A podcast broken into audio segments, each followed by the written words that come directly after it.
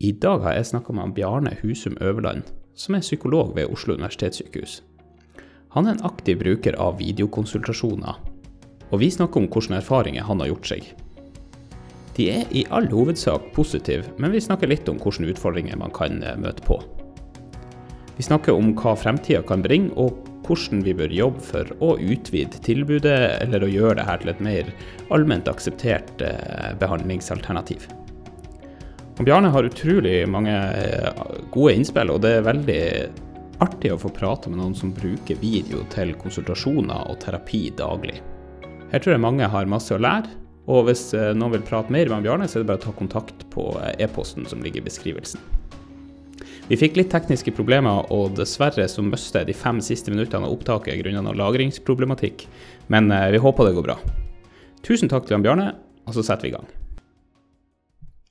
Ja, ja jeg, eh, jeg, heter da Bjarne Øvland, og jeg er psykolog på Oslo universitetssykehus. Og har jobba der i nå et år. Uh, jobba i en allmennpoliklinikk, så det vil si at jeg tar inn pasienter fra 18 til uh, ja, 90 år, omtrent. Rundt der. Uh, så jeg interesserer meg vel egentlig veldig for folk, da. Og, og interessert, genuint interessert i folk. Eh, og det gjør at jeg trives veldig godt i jobben min. Og så er jeg interessert i det skjæringspunktet mellom, eh, mellom psykologi og teknologi, og hvordan de kan de kan spille hverandre gode. Ja, det er jo veldig interessant. Da har vi jo litt sånn felles, felles interesser. Eh, jeg er også ikke psykolog, men jeg er jo sykepleier, og så tok jeg en master i, master i e-helse, da, fordi at jeg også syns det er spennende det her skjæringsfeltet mellom mennesker og teknologi, og liksom få alt til å fungere. Og litt det der grunnen til at jeg gikk inn i det, var vel mer at jeg så at det er Altså, helsevesenet henger jo fortsatt ganske langt etter. Så, eh, så, det er litt å finne ut hvorfor gjør vi det, og hvorfor utnytter vi ikke potensialet som ligger i teknologi. Mm, ja. Nettopp.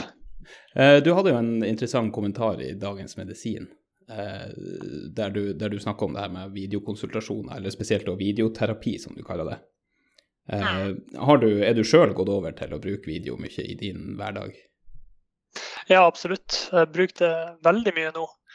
Uh, jeg brukte vel ca. på 50% av det jeg holdt på med. Uh, og det er jo mest pga. smittevernsituasjonen at det er blitt såpass mye. Uh, så jeg velger jo fremdeles å møte de pasientene som jeg ja, ser at har best effekt av at de møtes fysisk, og de jeg ser at det kanskje er mest alvorlig problematikk rundt, da, som trenger litt ekstra oppfølging. Men ellers så, jeg, så, har jeg gått over til veldig mye video og syns at det funka bra. Eh, var det noe som dere var i gang med før korona, eller har det liksom virkelig fått tak nå eh, pga. korona? Nei, det fikk virkelig tak under korona. Det var eh, Ja, det var jo sånn at vi måtte jo bare skynde oss og finne tak i utstyr, egentlig. Så ledelsen var jo virkelig berømt for å liksom Virkelig, de heiv seg rundt med en gang. Men det er jo litt, eh, det er litt pinlig at man ikke hadde det tilgjengelig fra før av, kan man jo si. Men eh, jeg syns jo det, jeg synes det var helt topp at, mm. eh, at man var så, så, snar da, som man faktisk var. Så i starten så, så hadde vi jo nesten bare eh, videokonsultasjoner. Eh, og telefon da, for de som ikke ønska video. Eh, når, når, det kom for første gang i mars. og så etter hvert når man åpna opp litt mer, så begynte vi å treffe pasienter. Men da var det fortsatt noen som fremdeles ønska videokonsultasjoner.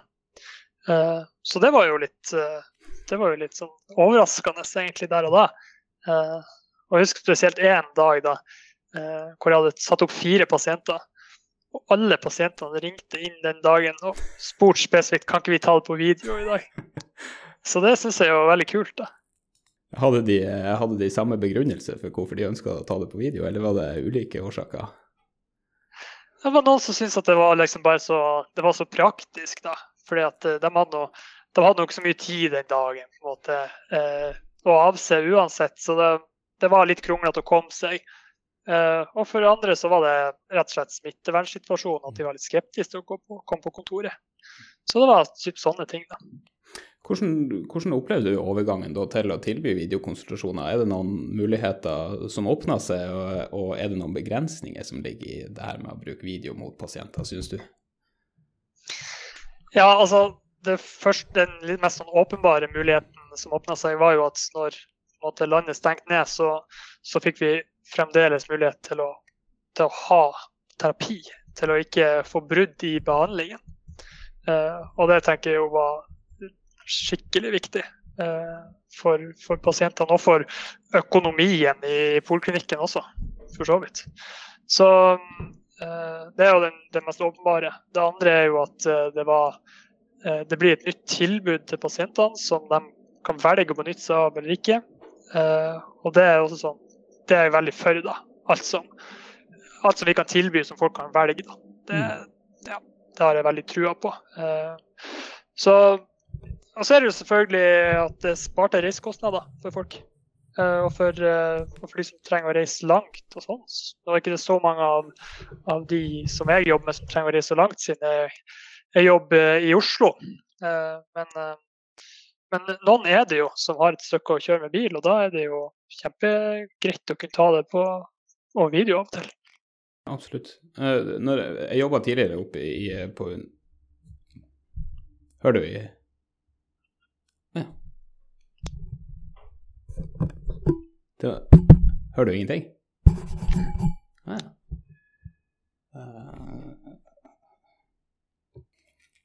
Nå, nå har jeg lyd her. Nå har du lyd, ja. Men det, jeg skulle egentlig ha en annen, annen mikrofon. Det var rart at den plutselig kobla seg ut. Ja. Enn en, nå? Hører du meg nå? Nå hører jeg deg. Ja, ok. Jeg ser, jeg ser deg ikke, men jeg hører deg. Nei, men nå er det greit. Der ser jeg. Nå ser jeg. Ja. yes. Det var jo litt ironisk at vi fikk trøbbel på linja. Ja, ja, det er ja, men er ikke, er, ikke, er ikke, det typisk? Altså, oppdag, Opplevde dere noen sånne ting i, i, eh, mot pasienter òg, eller er det problemfritt? Dessverre så kan jo det her skje. Uh, og det, det, som er mest frustrerende av alt, det er jo når du virkelig føler at du er på, liksom, helt på kanten av et gjennombrudd i terapi. Og Vi, vi snakker om noe virkelig vanskelig, og vi er inne, og det er masse følelser. Og så bryter dette sammen, ikke sant? da føler du deg ikke mye høy i hatten Nei, da har, da har, du ikke noe sånn her Det er ikke bare hvis strømmen går. Da, da, hva, hva, du, hva du gjør da? Nei, jeg, jeg, prøver jo, jeg, prøver jo, å ringe pasienten. da. At jeg har backup på telefonen, så at jeg kan ringe dem. Ja, eh, men, og så prøver vi å koble oss opp på nytt igjen. Men? Når du da kobler deg opp igjen, så er på en måte magien borte. Du, du, du, sa, ja. du nevnte her med, med reisekostnader. Eh, det, det, jeg skulle til å si når, når, lyden ble borte, det var det at, at eh, vi, vi jobba bl.a. ved Universitetssykehuset i Tromsø med, eh, med, video. Og da var et av de store spørsmålene var hvor skal på en måte de sparte reiseutgiftene havne hen? Er det sånn, Har dere hatt noen diskusjon på det? For ofte så går jo de pengene tilbake til pasientreiser, eller ble de synliggjort i deres enhet? Å, oh, nei, det er et godt poeng. Nei, den diskusjonen er det ingen som har tatt. Um, jeg skulle jo veldig gjerne ønske at jeg fikk, jeg fikk eh, se noe av de pengene sjøl. Men uh, selvfølgelig helst i form av, av kurs og ut, terapeututvikling. Uh, og kanskje også burde det vært noen kurs uh, for å liksom, ja, virkelig sørge for at de videotjenestene vi tilbyr, blir, blir bra nok. Da. Ja, for... det, er jo, det, er jo, mange som er litt oppi årene i, i helsevesenet. Sånn ja, pluss at det er jo ikke Jeg, jeg vet nå bare sjøl fra utdanninga mi at det, det, er jo lite uh, lite undervisning om å bruke, altså på å bruke teknologi, i, og spesielt i behandling. Og det er bare det å sitte fremfor en skjerm og snakke i mikrofon er jo litt sånn her pussig når man starter med det. Så ja. Syns du det var en overgang? Det, ja, uh, jeg syns det var litt rart helt i starten. Og det, og det er en sånn ting som jeg får høre også fra pasientene den dag i dag når jeg møter folk for første gang på, på video. For det, det hender seg jo at jeg gjør det. Uh, og da er det ofte mange som liksom blir litt sånn De sier sånn 'Å, det er rart å møtes på denne måten', liksom. Og, uh, og så går det seg liksom til, og så neste time så er det plutselig helt naturlig. Uh, og jeg opplever egentlig at det er en sånn, uh, ofte en litt sånn god icebreaker i starten. At vi kan liksom snakke litt om hvor rart det er å møtes på denne måten, og hvordan kjennes det ut. Og, Så er man liksom, da er man rett inn i følelseslivet med en gang. da. Uh, og kan ta tak i den ambivalensen med å liksom, det å komme i terapi. og ikke bare komme i terapi, men også komme i terapi på video. Mm. Som antagelig for en del kan skape en enda større sånn ambivalens. Kommer det, kommer det her til å funke? Er det verdt å bruke tida mi på det her? Hvordan vil det bli å dele av seg sjøl? i det her formatet osv. Ja, opplever du at noen syns det er tryggere å møtes på video? Ja, det, det tror jeg at jeg gjør. Uten at jeg kan si for sikkert at jeg vet at de syns det. For det har jeg ikke spurt så veldig mange om, om de syns det er tryggere. Men det, liksom, det vi kan se, da, er at pasienter som har Jeg jobber jo en del med, med folk som har, er utsatt for traumer. Og eh, en del er også utsatt for seksuelle traumer, f.eks. Eh, og jeg har noen pasienter som eh, ja, som har vært utsatt for seksuelle traumer av en mann i familien f.eks. i mange år. ikke sant? Og så kommer de til terapi eh, med meg, og så er jo jeg en mann. Eh, og så kan det i seg sjøl trigge en del ting eh, hos pasienten. Så det å da på en måte få lov til å kunne sitte i sin egen stue eller eh, på et eget rom uten at det er noen andre rundt, der man er, føler seg trygg, og kunne liksom samtidig da gå gjennom de tingene som er vanskelig. Vi, ofte, vi, gjør jo ofte det sånn at vi snakker om de tingene som er vanskelig, og de tingene man helst ikke vil, vil snakke om og tenke på. og sånn. Og da, det å da å slippe å på en måte ha, ha en som i øyeblikket kan nesten oppfattes litt som en trussel, da, siden jeg er også en mann, så kan det skje en del sånn overføringsreaksjoner der. da. Eh, det kan, tror jeg kan være en sånn god buffer for, eh, for mange. Mm. Eh, men jeg tror det der er litt sånn, det er liksom både òg. For noen, noen, kan kanskje trenge den bufferen, mens andre kan kanskje bli litt for lite aktivert av at, det ikke, at ikke noen er der fysisk i rommet med deg. da. Mm, mm. Ja, for jeg snakka med en kar som var um, forholdsvis en del erfaring med å gå til psykolog, og han, han sa at han, det han likte best, det var liksom det der å komme seg ut av den situasjonen han var i. Det var å komme inn på det trygge rommet der alt var lov, og der, der på en måte du ikke var farga av alt det andre som var rundt deg. Så opplever du det motsatte også? Altså at det, Må du gjøre en seleksjon på hvem er det som passer, og hvem er det som ikke passer? Ja, eh, altså vi, vi, tenker jo at dette er et, det et frivillig tilbud. og, og å gå, på, gå, i videoterapi, da, mm. eh, som jeg kaller det. Eh, og det. Så hvis folk ikke ønsker det, så skal de jo få slippe, og skal de jo få møte fysisk. Det, mm. det er det viktigste i terapi, er jo at pasienten måtte ønske å, å, ha terapi på den måten eh, det blir gjort på. Eh, og så tror jeg at folk er forskjellige. Noen kan ha behovet for den tryggheten hjemme. Andre har eh, unger som er hjemme fra skolen. ikke sant? Og dermed kan det være sånn vanskelig å gå inn i følelsene sine samtidig som du har en, en treåring som river deg i buksebeinet. Liksom. Så, så, det blir noen rare episoder knytta til det. Så, vi, så det, for noen så har vi bare rett og slett sagt at OK, det tror vi best at vi møtes fysisk, liksom. Mm. Mens uh, for andre så har vi vel erfart at det er lurt å ta en sånn prat rundt det her med hvordan vi gjør videokonsultasjoner. Eh, at en måte, man må sitte på et rom der, det, mm, mm. der du ikke blir forstyrra, der det ikke er andre som kan høre hva du sier. og må på en måte ha fokus på det vi, det vi holder på med når vi, når vi har terapi. Også det høres helt banalt ut, men det er noen eksempler på, fra mine kollegaer som, som har hatt pasienter som har det var etter hvert avslørt at, at de satt og så på serie mens det var terapi. ikke sant? Så på sett og vis kan det jo være litt lettere å gjemme seg unna av og til, da. Jeg regner med at det blir ikke spesielt effektivt hvis man sitter og følger med på en serie samtidig. Nei, det er i hvert fall ikke noe, noe behandlingsmetodikk som er særlig studert. da. Nei. Jeg, hadde, jeg var hjemme med, hjemme med to, to syke unger i dag sjøl. Så jeg, jeg, jeg, vet, jeg, vet, liksom ikke om jeg hadde Det kan hende at det hadde vært greit å ha en psykolog på video, liksom meg i situasjonen. det, det kan, bli, kan, bli, ganske intenst. Ja. ja, du får ringe meg neste gang. Ja, ja vi får, vi får teste. Um, synes du Ja, du sier at det er noen som opplever at det er tryggere, og, og liksom det her at de åpner seg kanskje enklere med å ha, ha en skjerm imellom seg. Uh, men uh, enn det her med, er det, er det noen som er som du opplever nervøs for om det her er sikkert nok? Altså det å ta det på video kontra det å møtes eh, ansikt til ansikt? Ja, noen har spurt litt om det. Eh, men de fleste har liksom god tiltro til at det her har vi kontroll på. Og det tenker jeg også at de har god grunn til. For vi er jo utrolig nøye med å følge alt av GDPR-retningslinjer. Eh, og eh, jeg har jo sittet nå i en sånn arbeidsgruppe som som har ansvaret for å ja, utbredinga av videokonsultasjoner i OUS. Da.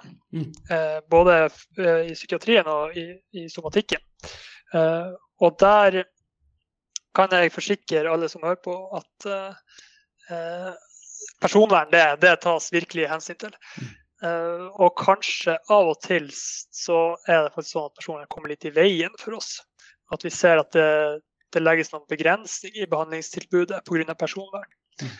Uh, det kunne vært en del ting i de løsningene som kunne vært enklere sånn uh, bruksmessig. Hvis at man kunne skorta litt på personvern. og det er noen funksjoner i de systemene vi bruker som blir borte pga. personvern. Og det altså ikke, må ikke misforstå meg, jeg er veldig opptatt av personvern, altså, men, men det, jeg syns det er synd når det går utover behandlingstilbudet vi kan tilby pasientene våre. Så jeg tenker jo litt sånn som han, uh, han Bjørn Bjørnbeth, som er uh, avdelingsdirektør ved OUS. Han har jo tatt opp det her med at vi må ha en debatt rundt hva som er godt nok personvern. Mm. Og det tenker jeg er veldig sånn Den, den ønsker jeg velkommen. da. Mm. Ja, det, jeg er helt enig, og det er en veldig interessant diskusjon. For man ser jo at en del innovasjon rett og slett blir enten forsinka eller begrensa pga.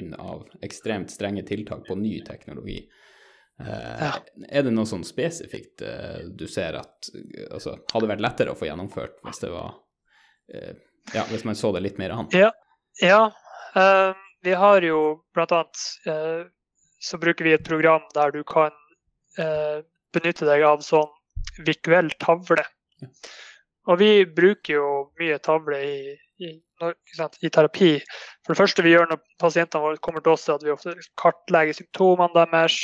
Finner ut er det noen diagnose som kan passe her. Når vi har stilt en diagnose, så må vi på en måte forklare pasienten litt om hva denne diagnosen innebærer, hvilke mekanismer er det typisk som opprettholder eh, denne type psykisk lidelse, eh, osv. Da bruker vi mye tavle for å forklare. Men jeg, tror, jeg lurer på om det er noe fordi det er noen sånn Google-integrasjoner i det greiene som gjør at det da blokkeres pga. personvernhensyn. Uh, og det er en sånn ting som er et sånn verktøy som vi, vi som vil være veldig nyttig for oss å bruke, men som vi ikke får brukt. Uh, I tillegg så ser jeg at uh, det, det, å kalle inn til timer også eh, gjøres på måter som kanskje er litt tungrodd. Det er ikke så sømløst som det kunne vært hvis at personvernet har vært liksom letta litt på. da. For Det har vært litt sånn her diskusjon om uh, det, er jo, veldig strenge krav til nivå 4-autentisering ofte uh, når pasienter skal inn i, i, uh, i videokonsultasjon. Og så er det jo litt det der å kanskje sammenligne med hva er det man har. For hvor ofte er det du spør om ID når pasienten kommer på, kommer på kontoret fysisk? ja. Nei, det har ikke skjedd ennå. Nei, ikke sant. Så, spør om han har feber. Det ja. ja.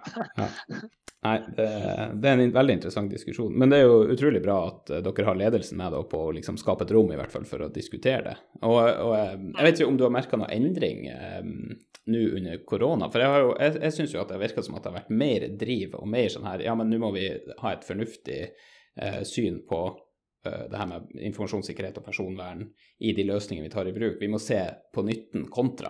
Mens tidligere var det, var det enda mer strengt. Jeg vet ikke om du har opplevd at det har vært lettere nå i det siste? Også. Jo, eh, absolutt. Eh, det var jo sånn i mars, da når, når pandemien brøt ut for fullt, så hadde vi jo ikke videoløsninger som var liksom som var ordentlig, og som var personvernsikker nok. Og da mm. fikk vi jo noen sånne unntak, da, at vi kunne bruke f.eks. Skype da, uh, for business. Uh, opp mot, i, i sånn gruppeterapi, blant mm, annet. Mm.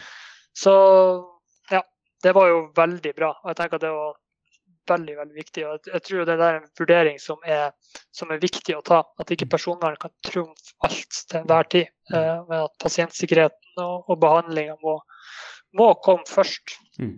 Ja, det er bra. Det er viktig. Um, ser du noen sånne områder der, der det her med videoterapi og, og videokonsultasjoner sånn helt, helt, tydelig og klart ikke er egnet? Um, ja, Først, altså, som sagt, Hvis pasienten ikke ønsker videokonsultasjoner, så åpenbart, da skal vi ikke holde på med det. Uh, og hvis uh, pasienten ikke har en laptop eller en smartphone, da blir det også vanskelig. Eh, men utover det så tenker jeg jo at det er egnet for veldig mange pasientgrupper. Men jeg tror, eller foreløpig vet vi jo for lite om, eh, om hvilken innvirkning det har på de mest alvorlige tilstandene. Eh, der det f.eks. er alvorlig psykose eller alvorlig suicidproblematikk. Eh, der har vi der, ja, der vet vi litt for lite, da. Og per nå så tror jeg de fleste i fagmiljøet i hvert fall er enige om at de pasientene strekker vi oss langt for å kunne møte fysisk, da. Ja, jeg tenkte på, Vi har jo et langstrakt land, så vi har jo mange i kanskje de, de, de diagnosegruppene eller med de diagnosene og, og, og, lidelsene også som kanskje ikke har så rask tilgang på hjelp. Kan, tenker du at video allikevel kan testes som et supplement, altså f.eks. sendes til lokal enhet for videre behandling med støtte av spesialist eh, på avstand? Ja, jeg tror at jeg tror, altså, sånn som mye fungerer nå ikke sant, i sånn akuttpsykiatri, uh, da, så er det jo sånn at man får en telefon inn, ikke sant? og så må man vurdere basert på den telefonen fra legevakta da, f.eks. om denne pasienten skal tas inn eller ikke. Jeg vil jo anta at video ville vært et mye bedre verktøy. Hvor du faktisk har muligheten til å få tolka litt kroppsspråk i hvert fall, og fått sett litt sånn eh, fremtoninga til pasienten før du mm. tar den type vurdering. Så, så jeg tror absolutt at det har, har sin plass der. Men det er klart når man snakker om alvorlig suicidale eh, pasienter og, og, de med alvorlig psykoseproblematikk, så er det jo faktisk sånn også i akuttpsykiatrien at man Noen ganger kan det faktisk være sånn at man må holde folk fysisk igjen. Ikke sant? Mm. Fordi at de er såpass eh, i fare for sitt eget liv. Og da tenker jeg at det blir eh, ja, Det er litt vanskelig på video, akkurat det. da. Jo, naturlig nok. Det er sånn naturlige begrensninger i, i det her. Eh, du, du, nevnte i stad at, at, eh, dere jobber i grupper som jobber med å innføre det her uh, i hele OUS. Altså, uh, har dere møtt noe motstand, uh, og er det noe motstand generelt mot å gå fra fysiske til virtuelle eller videokonsultasjoner? ja, altså Jeg er jo med, ikke sant, som psykolog så er jeg jo med i en del sånn Facebook-grupper for andre psykologer. og det er klart, når når det her begynte å bli mer og mer vanlig, så var det, var det, gikk det hett i kommentarfeltene der en stund. Eh, og det var da spesielt knytta til at folk er bekymra for hvordan påvirker her relasjonen i terapi? Hvordan påvirker det den emosjonelle kontakten til pasienten? De tingene der eh, har en sånn helt sånn tydelig ting som, som folk har hatt noen uh, mening om, som jeg jo forstår veldig godt. Det er jo, det er jo klart, det er jo litt annerledes å møte på, møtes på video. Så det er spørsmålet om det blir godt nok, da.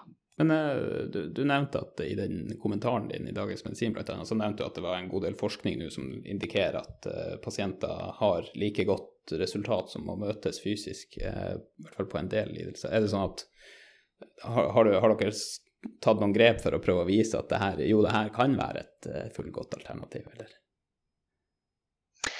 Uh, ja, altså annet enn at vi på en måte har prøvd å informere litt da, om at uh, forskninga faktisk viser at det, her, det, her, er gode greier for, både for pasientene og for alliansen. I, i det, på den forskninga som er gjort, så har vi jo det har vi prøvd å formidle.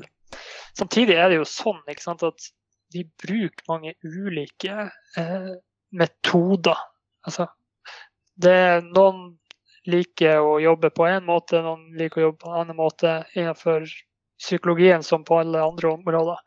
Der er vi jo forskjellige. og det er klart at Den forskninga som er gjort, er gjort mest på en type terapi som er eh, Du kan si den er litt mer sånn skjematisk og litt mer sånn eh, Den tar utgangspunkt i å sette ting opp i, i eh, system og Eh, og det, det, er mye sånn læring på en måte i den formen for terapi, kognitiv atferdsterapi. Eh, selvfølgelig også en del, altså, det er selvfølgelig også fokus på relasjon og følelser der også. Men det er jo grader av alle ting. ikke sant?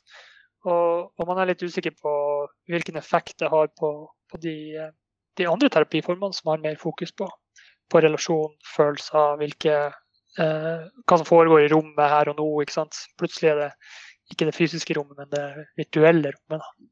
Mm. Hm. Nei, Det er interessant. altså. Men tenker du at det er noen eh, Er det noen, noen gode grunner, sånn som du ser det nå, til å liksom begrense utrulling av videokonsultasjoner? Eller tenker du at det er bare å, at vi må, må fortsette å teste ut? Nei, jeg tenker at vi absolutt må fortsette å teste ut. Jeg tenker at det, det er kommet for å bli, og det er, eh, det er et ekstra tilbud til pasientene som eh, de også har etterspurt lenge. Pasientorganisasjonene har i årevis bedt om eh, muligheten for videokonsultasjoner. Så jeg kan ikke skjønne eh, Jeg kan ikke se noe gode argument for at hvorfor vi ikke skulle tilby det, når vi har den tilgjengelige forskninga som vi har også. Eh, men det som jeg fremdeles eh, mener er utrolig viktig, er jo at det er et valg som pasienten har. At det, det er noe de sjøl ønsker. Og da tenker jeg Så lenge vi har forskninga på våre sider på at det her faktisk fungerer godt og alliansen er bra, så, så tenker jeg at det er ingen grunn til å la være å tilby det. Ja, og så lurte jeg på det med uh, Man sier jo man tilbyr det, du sa du må ha en smarttelefon eller en pad eller en PC som funker. Uh, er det sånn at, Tenker du at det her med videokonsultasjoner kan skape et skille uh, mellom de som har den teknologien tilgjengelig, og de som sier jo, jo, jo, vi har liksom de nok trygge rammer til å, til å være med på video? Kan de ende opp med å få mer behandling, bedre behandling, enn de som kun kan møte fysisk? Hva du tenker om det? Ja, godt spørsmål. I utgangspunktet så tror jeg jo at eh, man vil få like mye og like bra behandling eh, hvis man møter opp fysisk som eh, med video. Jeg tror ikke at vi, skal, vi kommer til å begynne å skille på at hvis du har video, så møter vi deg to ganger i uka, liksom. Vi kommer til å, kommer til å møte pasientene våre jevnlig og følge dem opp eh, etter behov. Eh, så det, det, håper vi virkelig ikke at de gjør. Men så er det jo ikke sant, eh, ja, det kan jo være at folk, har, folk ønsker videoterapi, og så har de ikke utstyret. Da blir det jo spørsmålet skal vi skal vi bistå med det på noen måte som helseforetak. Eh, er det noe man skal Og spesielt kanskje er det aktuelt i, i områder med større avstander. Skal man da på en måte eh, ja, legge noe i en pott for å, for å, sørge for at folk kan låne utstyr, eller ja, et eller annet sånt. da. Ja, jeg tenker, Når du sier det, så tenker jeg at et alternativ kan være det her å, å lage virtuelle klinikkrom også ute i distriktet, sånn at eh, det er lettere tilgjengelig å treffe uh, kompetanse. Um, Ikke sant? Mm. Jeg tenkte, mm det her med eh, Jeg vet at oppe på, på universitetssykehuset så, så, bruker de det, mm, video en god del i OCD-behandling, og da følger de opp pasienter sånn veldig hyppig. Sånn uansett hvor de er i regionen, så, så ringer de de, og så har de, eller tar de kontakt med de på video, så har de korte snutter med behandling. Så jeg, det er jo sånne ting kanskje video åpner mer for der pasienten er. Mm, mm. Og det er klart, i, i, den type behandling så, så går jo mye av behandlinga på utsette, at pasienten utsetter seg for de tingene de er redd for. Uh, ikke sant? Uh, F.eks. Å, la være å vaske hendene så, så mye, eller la være å ja, gjøre et eller annet. Da. Kanskje ute i verden, la være å gå på butikken, eller la være å liksom Ja. Uh, og, og, det å da få muligheten til å måte kunne være med pasienten på de eksponeringsøvelsene via en, en smartphone, f.eks., det gir jo helt andre muligheter enn man hatt tidligere. Ja, ikke sant. Ja. Eh, tenkte du at det er noe fare for aldersdiskriminering? Du sa at dere hadde, fra, du hadde pasienter fra 16 eller 18 til 90. så tenk sånn, er, det, er det fare for at de eldre eh, ikke får det her, det her, tilbudet og kan falle utafor da? Eh, jeg har faktisk en uh, pasient på 79 i behandling nå, som, så har, vi har videosamtaler. Og det fungerer utmerket. Så, så jeg tror ikke at alder i seg sjøl er noe hindring. Jeg tror, eh, jeg tror, det er innstilling og, og i hvilken grad man har, eh, har, tilgang på litt sånn hjelp og sånn, hvis, hvis, det er litt eh, ja, vanskelig å koble seg opp og sånn. Jeg har også inntrykk av at det, det, det, det, er flere som er villige enn hva man først tror. At vi, vi diskriminerer kanskje folk før vi har testa det. Så um, mm. jeg tenker å ikke, ikke, ta for gitt at eh, de ikke klarer eller de ikke kan, tror jeg er viktig. Nei, jeg tror jo det er naturlig å tenke sånn. ikke sant? At du ser en ok, det er en eldre pasient, da, da prøver vi å møte han fysisk, liksom. Men uh, det er jo eh, kult å se hva som skjer hvis man tilbyr video også. Om man ønsker det. Man kan, man kan jo se ikke sant? Mange eldre har jo, har jo eh, også funksjonsnedsettelser og vansker med å komme seg rent fysisk. Og da er jo video et eh, fantastisk verktøy. Tenk du at, Nå har det jo vært en del fokus på litt sånn på siden, men det har vært en del fokus på menn og, og psykisk helse. Og det med å ta opp de vanskelige samtalene og tørre å prate om ting. Tror du at Tror du at det med videoterapi kan være med å senke terskelen for enkelte hardbarka, tøffe tøffe, menn som, som, ikke tør å prate om følelsene sine? ja, vet du, det, det tror jeg at, at, det absolutt kan. Um, jeg vet ikke om du Jeg tror det var han, eh, han Aksel Hennie var vel på, eh, på Lindmo her og, og prata om, eh, om, litt det her. Da. Det var, det var unge gutter, da. Litt sånn gamere og sånn. Eh, og hvordan de brukte, brukte gaming da, til å kunne prate litt om følelser og sånn. Og så, og så var det litt sånn eh, avvæpnende at plutselig var det en fiende der, så da liksom da kunne man komme litt sånn inn og ut av det. da. Eh, og det tror jeg, jeg tror at det er litt avvæpnende med video, at det er såpass det er på en måte så, såpass lett å fake at internettet ditt uh, ryker, eller uh, klappe ned PC-en, eller hva det skulle være. da. Så det i seg sjøl tror jeg er en sånn god buffer som, eh, som kan gjøre terskelen litt lavere for å, for å, komme til terapi. Kanskje det er det man skal begynne å kombinere med, med, med serie samtidig, så kan man ja. Her har du noen gode ideer til ja, ja, interessant behandlingsforskning. ja, vi får se. Eh, og så, jeg vet ikke, altså, du, du, er i Oslo, du er der, eh, der, det er masse kompetanse tilgjengelig. Vi her oppe i kalde nord sitter med, med, lange reiseveier og, og, masse dårlig vær og eh, snø og vær. Det har sikkert dere også, men eh, Nei, ikke noe snø nå, altså. Nå skuffer det deg. heldig med den. Uh, jeg, jeg tenkte her med Video kan jo åpne for at du sprer kompetansen på en helt annen måte enn hva som har vært uh, vanlig tidligere. Altså En oppe i Kirkenes eller i uh, Gamvik kan på en måte få en videokonsultasjon med en ekspert i Bergen eller Oslo. Ja. Ser du for deg at det her, altså det å tilby videoterapi, altså om, om så alene eller for gruppe, tenker du at det kan være med og bør endre måten vi tenker på fordeling av kompetanse rundt omkring? Ja, ja det, det syns jeg er veldig interessant. Um, den erfaringen, erfaringen, jeg har med, med, det til nå, da, er jo at vi uh, har brukt en del sånn uh, Vi har kontakta uh, eh, diverse regionale kompetansesenter rundt om. Når vi har hatt vanskelige caser. For F.eks. For, for et par måneder siden så hadde jeg en case der vi var litt sånn usikre i en sånn i diagnostiseringa av var det her Asperger syndrom eller er det, er det, mer snakk om en personlighetsforstyrrelse? Vi var litt usikre, rett og slett. Så jeg og en kollega tok da kontakt med, med det regionale kompetansesenteret for autismespekterlidelser, eller hva de kaller seg. Og så får vi liksom god veiledning eh, via video på den saken. Ikke sant? Så supernyttig måte å spre kompetansen på. Og jeg tror også at hvis at vi på en måte begynner å videreutvikle rene videotilbud, f.eks. på gruppenivå, da, så tror jeg jo at eh, sånne ting som fritt sykehusvalg vil plutselig bli mye lettere og mye mer attraktivt å benytte seg av for pasientene. Ja, det er, jo, det er, jo, akkurat det jeg også tenker. at altså, hvis, du, hvis, du, har mulighet til å virkelig treffe på, eh, treff på de som faktisk kan hjelpe deg, uten å måtte Jeg med noen her oppe på, på UNN som, eh, der det var pasienter, jeg tror faktisk det var fra, fra, Helgeland, som hadde reist i jeg tror det var to, ett eller to døgn. og Så kom de på sykehuset, og så var det liksom 15 minutter eller 20 minutters eh, avklaring inne hos en eller annen lege uten en eneste fysisk undersøkelse. Og så var det etter to døgn hjem igjen. ja, det er ganske rått. Ja, det, det er ganske Ja.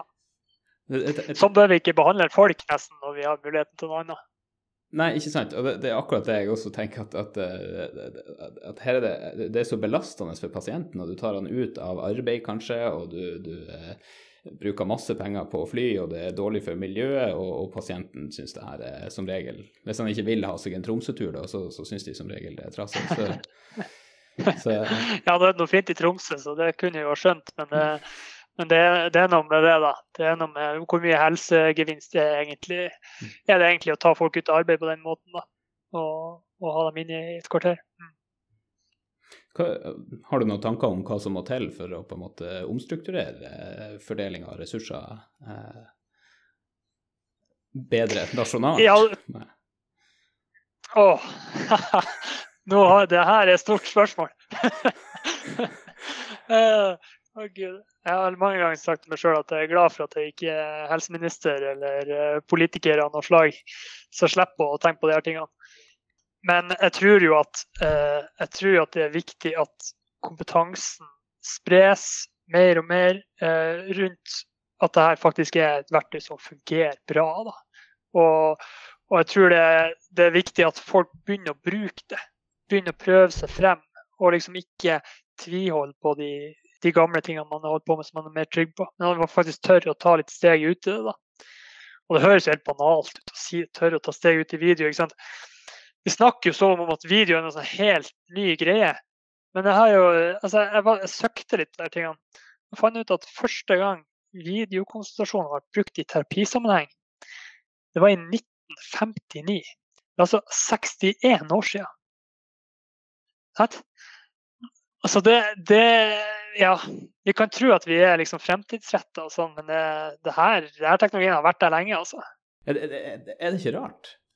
Jeg tenker sånn, hva, hva, hva, du, hva, du, tror er årsaken til at det tar så lang tid? Hvorfor måtte det liksom ei sånn her verdensomspennende krise til for at uh, velstående Norge skulle lykkes med det her? Altså, hva tror du er grunnen til at vi ikke har fra 1959 til nå? Hvorfor, vi, hvorfor er vi fortsatt der vi er? Jeg tenker jo at vi er jo vi er jo ekstremt var for forandring, da. Det, forandring er jo ikke noe vi er glad i som mennesker. Og det er jo eh, selvfølgelig mitt hjertesukk som psykolog da, som bruker store deler av dagen min på å prøve å få folk til å forandre seg litt. Jeg tror det er viktig da, at en psykolog kommer inn og sier noe om det med teknologi innen helse. Det høres ut som da, da, har du, da har du mange ting på plass her for å kunne gjøre noe med det. Um, ja, ikke sant jeg lurer på, er det noen andre Ser du noen sånne her åpenbare andre plasser der vi, når vi først er inne på endring, noen, noen andre plasser der eh, video har en mer naturlig plass enn hva de har i dag? Eh, jeg har jo snakka litt med eh, Kreftforeninga f.eks. i min tidligere jobb, blant annet om det her med, med, å kunne bruke det for likemannsarbeid. Altså at folk kan få lov å treffe hverandre virtuelt. Hvis du har en spesiell kreftdiagnose og det sitter en annen pasient i, i andre deler av landet, så kan du faktisk føre de her nærmere med å med å bruke video. Er det, er det noen, ser du noen sånne, sånne type muligheter? Ja, ja helt opplagt. Uh, og uh, en ting er, er, på en måte kreft uh, og den type sykdom som er relativt vanlig i befolkninga. Men, men, mine tanker går jo til de som har sykdommer som er sjelden. Og der var opptaket med Bjarne over. Litt for tidlig, dessverre. Det ble litt problemer med lagring av opptaket. Det vi snakka om på slutten, var at video kan være et veldig nyttig verktøy for uh, likemannsarbeid. Altså det å la f.eks. to personer med spesielle diagnoser treffes på tvers av, av uh, geografi og fylker. Han sa at uh, i hans gruppeterapiteam så var jo det pasientene ofte satt, satt igjen med, var, var, den opplevelsen av å få prata med noen i samme situasjon. Og der åpna video for veldig mange muligheter, som vi kanskje ikke har tatt i bruk helt ennå. Ellers så nevnte han også at han er jo den typiske eh, MSN-generasjonen, eh, og vant til å chatte en del med både venner og, og, andre. Og der trodde han også at det var et stort potensial for eh, innen helse, da, og det å utnytte chat med personer mer.